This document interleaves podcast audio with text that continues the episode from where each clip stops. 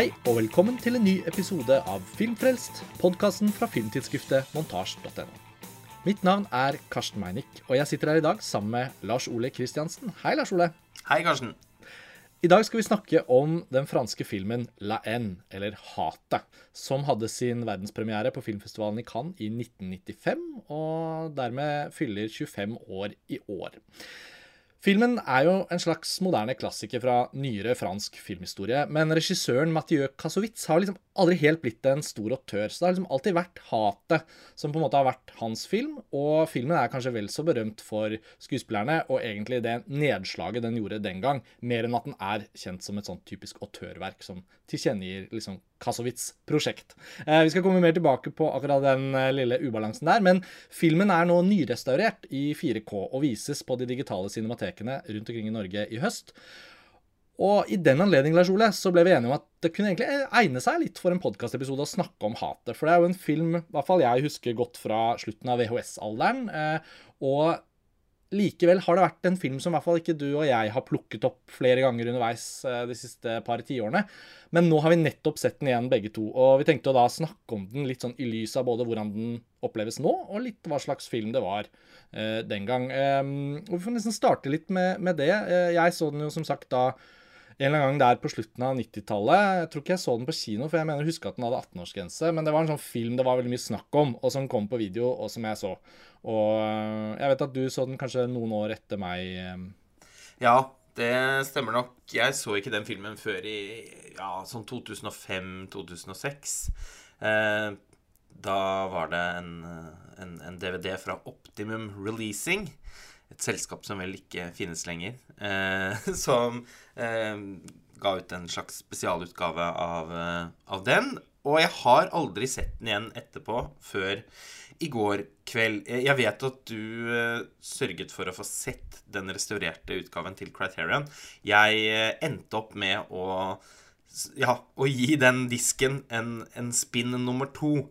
Så, så, jeg har da ikke sett den restaurerte versjonen, eh, og føler vel kanskje heller ikke at eh, det var så vesentlig, fordi filmen er jo så gritty og så, så, så rufsete i uttrykket sitt at det nesten gir en sånn 35 mm-aktig kvalitet å se DVD-en blåst opp på, en, eh, på et lerret med prosjektor. Ja, og jeg tenker jo litt at det å relansere hatet i 2020 vel så mye har å gjøre med filmens innhold og budskap som at en restaurering nødvendigvis kan, kan uh, få filmen til å gjenoppstå i en slags ny visuell drakt. Dette er jo en sånn grovkornet sort-hvitt-film som uh, jeg så den da på Criterion Channel, denne strømmetjenesten til Criterion. Jeg har også DVD-en liggende et eller annet sted, men jeg, jeg, fant den ikke. Og så var jeg litt sånn OK, men det passer jo helt fint å se den um, strømmeversjonen. Så den var jo skarp og fin og alt det der, men uh, filmen var veldig sånn som jeg husket den rent visuelt. Um, men det jeg tror kan gjøre inntrykk for de av publikummerne og lytterne våre som kanskje ikke har sett Hatet, eller som ikke har sett den på det store lerretet noen gang, er jo at antageligvis tror jeg den nyrestaurerte versjonen vil eh, klare å få frem klart og tydelig nettopp hvordan filmen er veldig sånn opplevelsesorientert. da, Og det kommer vi sikkert til å komme mer inn på underveis. Så den har både en veldig sånn tydelig tematikk, men den føles også som en veldig sånn film man kan tilbringe litt sånn tid i.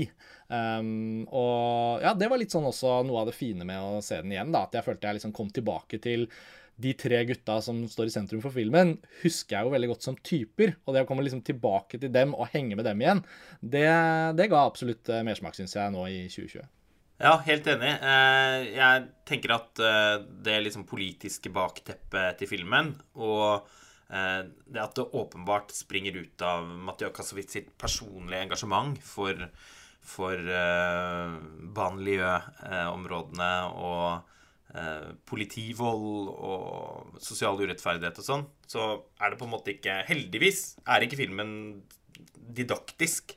Så mest av alt så er det bare veldig gøy å bli kjent med disse rufsete og morsomme typene mm. som eh, eh, Som ja, ikke er eh, mors beste barn, men, men, som eh, på tross av at de fremstår veldig tøffe og selvfølgelig også oppfører seg ganske forferdelig uh, av og til. Uh, har, no, har, en sjarm, da, og det, er, og, og det, er, en sjargong uh, som, som, som, de dyrker seg imellom, som er veldig morsom å, å kunne liksom, observere, rett og slett. Eh, man, det er veldig autentisk eh, gjengitt av Katsowitz. Både måten det er skrevet på, sikkert veldig mye improvisasjon. Og ja. Men vi får si litt om liksom, rammeverket her. da. Dersom noen lyttere ikke kjenner filmen, så er det jo kort fortalt eh, den første og mest sånn innflytelsesrike filmen om de i hermetegn beryktede forstedene til Paris, da, der eh, det har vært en evigvarende og uløst konflikt mellom særlig eh, ungdom som bor i disse forskjellige banlieuene, som de heter, og politiet, da, og i hvert fall om det også finnes tilfeller hvor det selvfølgelig har vært en konflikt med myndighetene i seg selv, eh, så er jo det uansett eh, manifestert i, en og samme type konflikt. Og den har jo også fransk filmkultur tatt opp i seg ved flere anledninger siden hatet. Mest kanskje tydelig for norske publikummere da den franske filmen Le Miserable hadde premiere i vinter, var det vel. Um, og den ja. uh, var også i Cannes da i fjor, i 2019.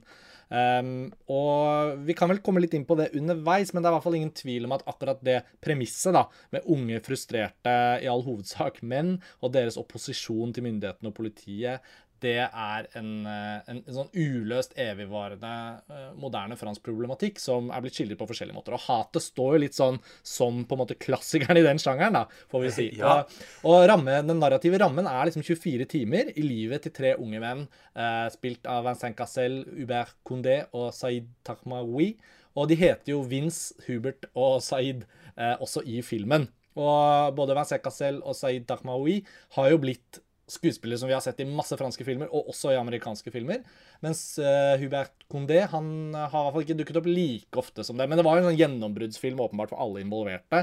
Og som sagt så står den seg jo fortsatt som en klassiker. Nå er den akkurat utgitt av Criterion Collection og relanseres og sånn. Så det er jo liksom rammene for hatet her. Veldig morsomt å se Vassin Cassel, da, som er en så karismatisk eh, skuespiller. Han har så, han har så skummelt ansikt.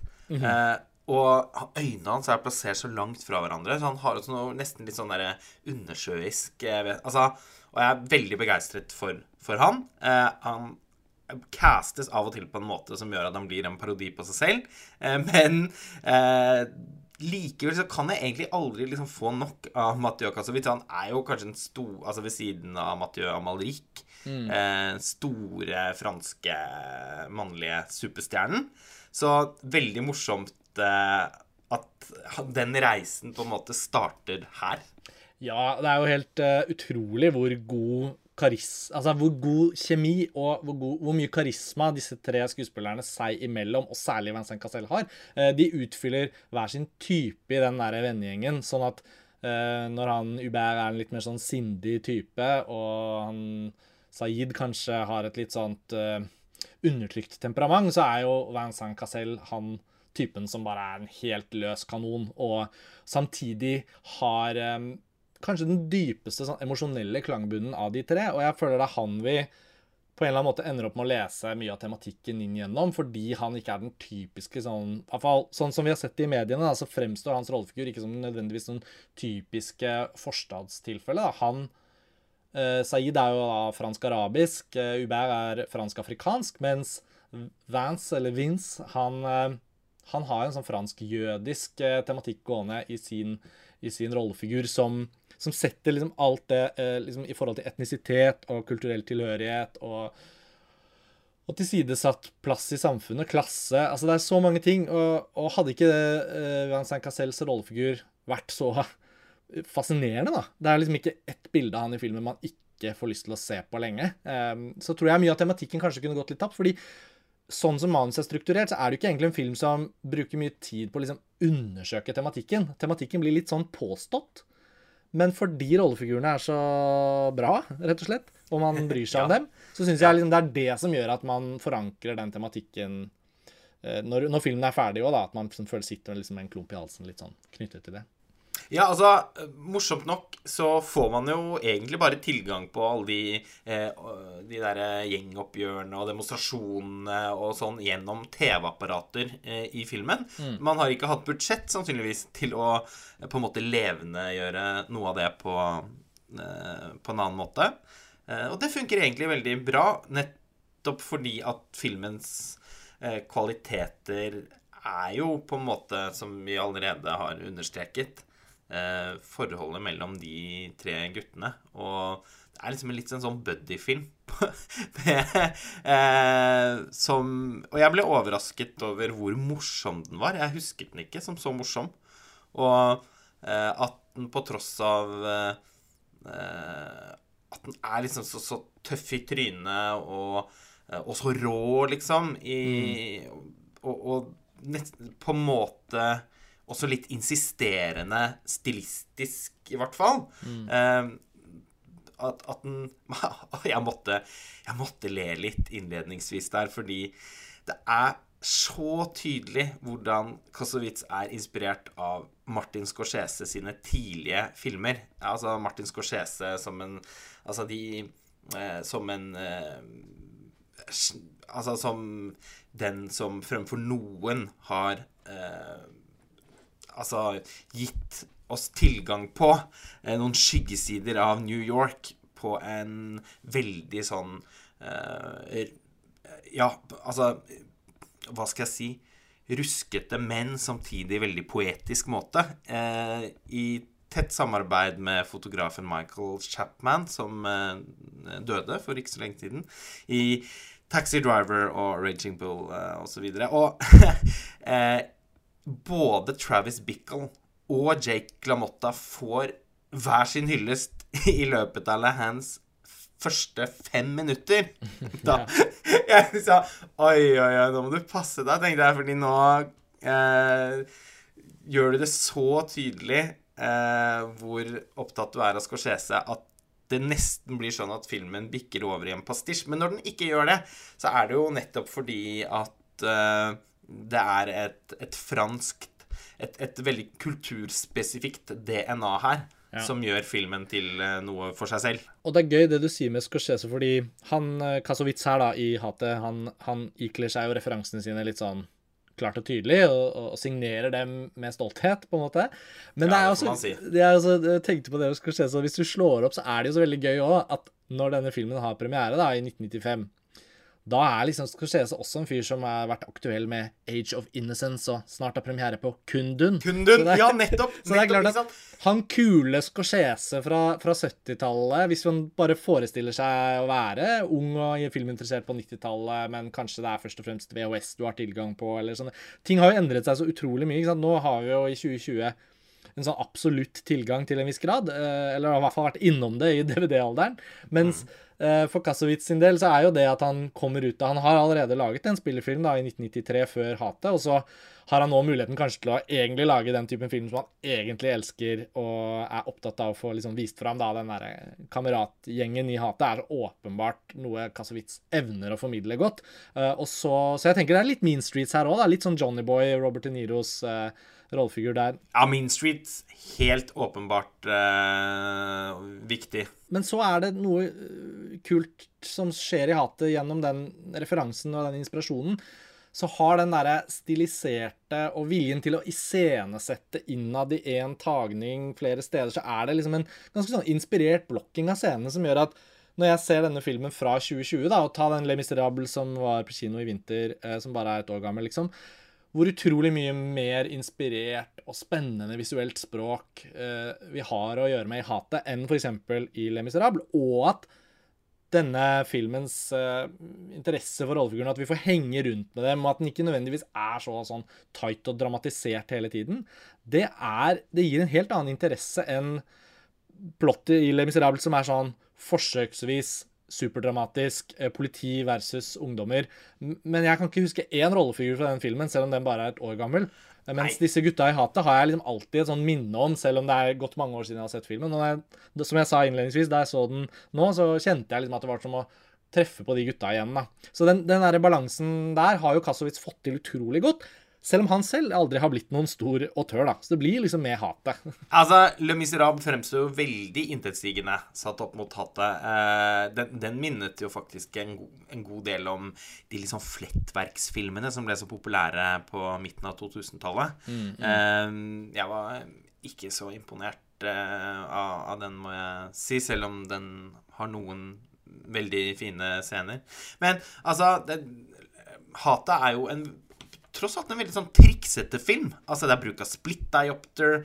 Eh, det er ganske mange lange, litt sånn kompliserte tagninger. Det er en scene hvor, eh, hvor Kassovitz bruker vertigo-effekten. Mm. Eh, sånn sett så har også noe, filmen noe sånn nesten andpustent lekent over seg som jeg, som jeg vel så mye forbinder med Spike Lee som, uh, som Scorsese. Så man, Do the Right Thing sikkert også en, en, uh, en vesentlig film for, uh, for Kassovitz. Men jeg har veldig bra poeng det der du sa med at Scorsese på midten av 90-tallet hadde på en måte svikta fansen.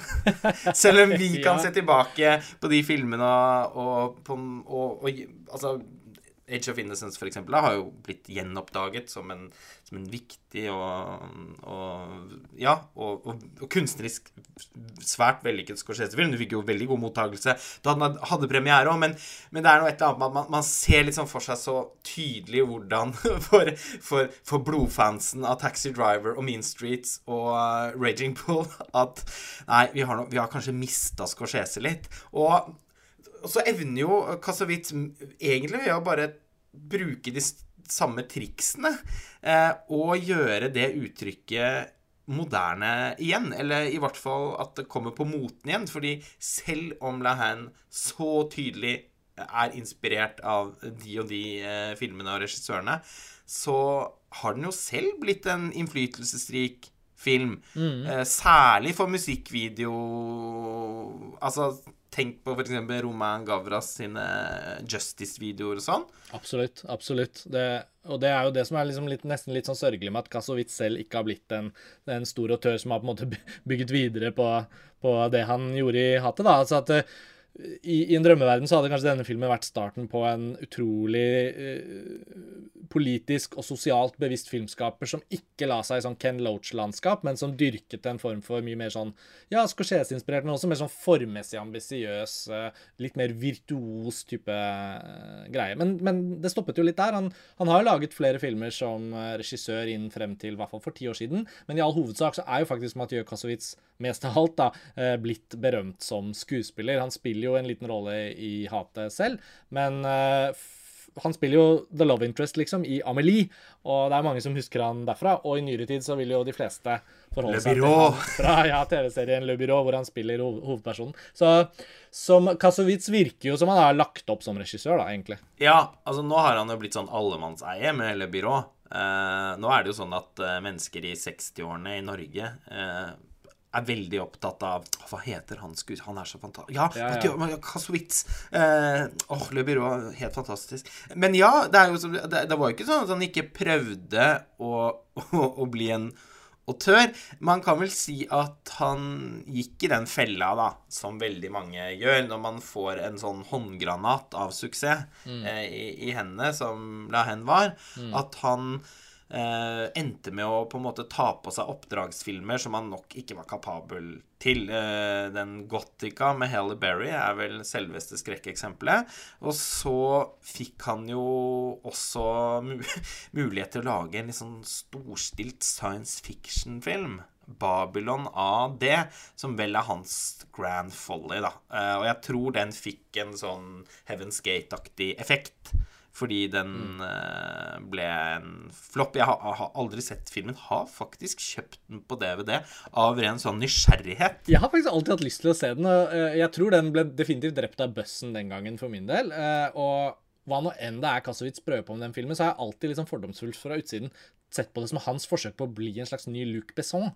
Kjenner jeg litt usikker på om Luc Besson er den uh, rollemodellen Kassowitz egentlig ville egnet seg til å prøve å oppfylle. da. Um, og tenker heller at en Spike Lee-sammenligning hadde jo vært frisk, fordi i de 25 årene siden hatet, så har jo ikke det franske samfunnet vært noe mindre interessant å portrettere i lys av uh, sosialpolitiske forhold.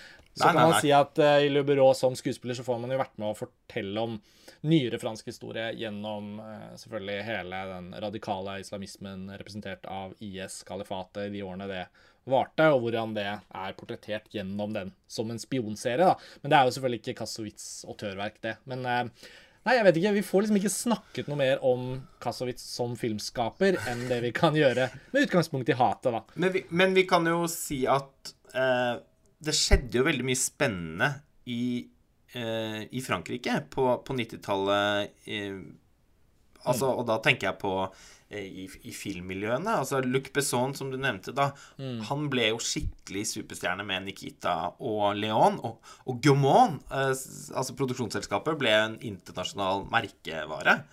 Ikke minst takket være produksjonen av Ridley Scotts 1492-erobringen av Paradis, da, Karsten. ja, Din, det din det egentlige ja. favorittfilm. ja, dypest sett.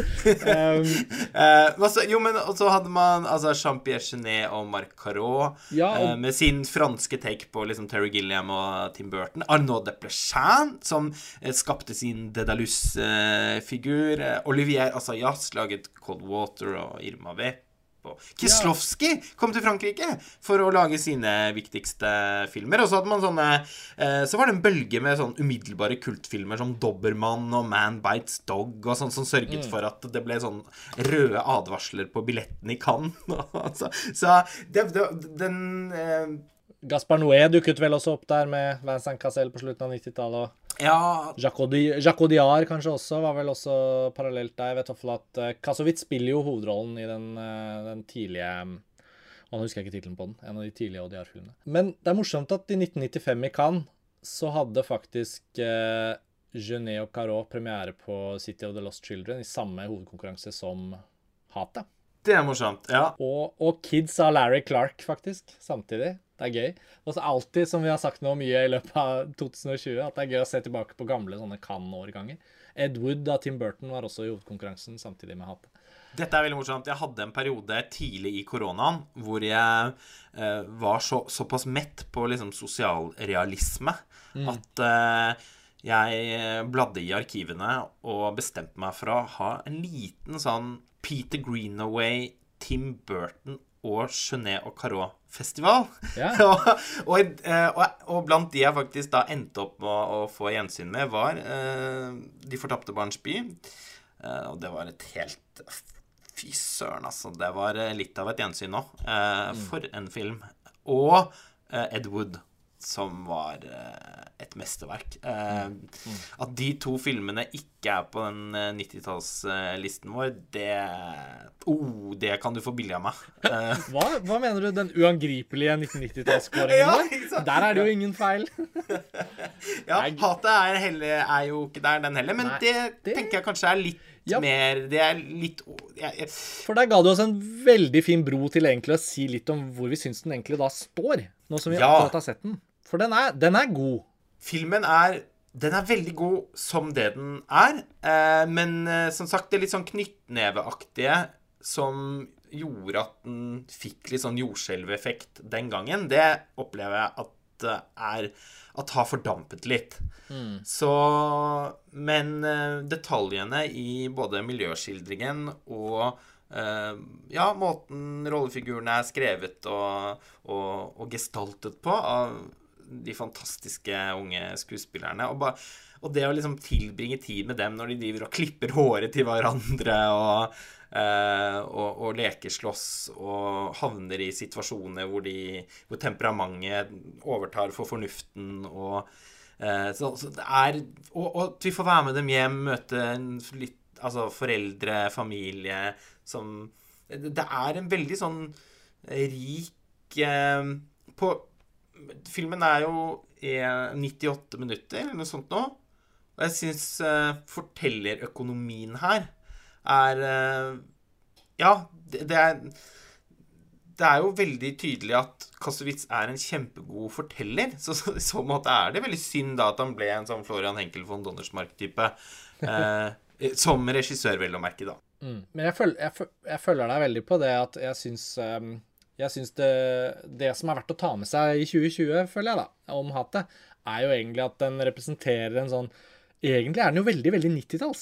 Ikke sant? Hvis vi tenker på alt fra Slacker til ja, Linklater til Pop Fiction av Tarantino, så de filmene som liksom introduserte og gjorde hipt en form for sånn nesten Erik Romer-aktig sånn hangout-film, hvor du liksom bare er med folk, og, og, de snakker om de tingene de driver med. og... Ja, Tarantino er jo kjempeopptatt av Romer, så det passer jo Ja, men altså, Det hørtes ut som ironi, men han er det. Ja, men jeg, jeg, jeg, jeg ville jo nødvendigvis ikke Det gøyale med Tarantinos filmsmak er at han er ofte opptatt av filmskapere som ikke ligner ham selv. Eh, noen mm. av dem ligner han jo veldig på fordi han har etterapet dem, men andre er han bare opptatt av fordi han liker den typen film. Og han har jo snakket veldig varmt om sånne hangout-filmer alltid. Ja, ikke sant? Han godt... liker jo måten Romer eh, skriver dialog på, selvfølgelig. Ja, og jeg kan se for meg da ikke sant? Du er Mathieu Kassovitz, du spillefilmdebuterer med en litt sånn forglemt eh, romantisk komedie, så det ut til å være, fra 1993. Jeg har ikke sett den. Og så i 1994 så er du kanskje på Cannes-festivalen og pitcher et manus du har, og så ser du Pulp Fiction, og så vinner den gullpalmen, og så går du på sett og skyter hatet, og så er du så mye tryggere da på at det å la rollefigurene bare snakke sammen og ha anekdoter de forteller hverandre, og det å la dem liksom puste og være mennesker, det er faktisk noe denne filmen har plass til. Den trenger ikke bare være en sånn sosialpolitisk eh, film om forsteds-Paris. Eh, og, og jeg bare liker så godt uh, det som en arv, da, nå som vi ser på denne 25 år senere, så er det kanskje Han har kanskje ikke blitt noen stor filmskaper og sånn og sånn og sånn, men den forblir en veldig sånn Et bra eksempel på noe de var gode på på 90-tallet.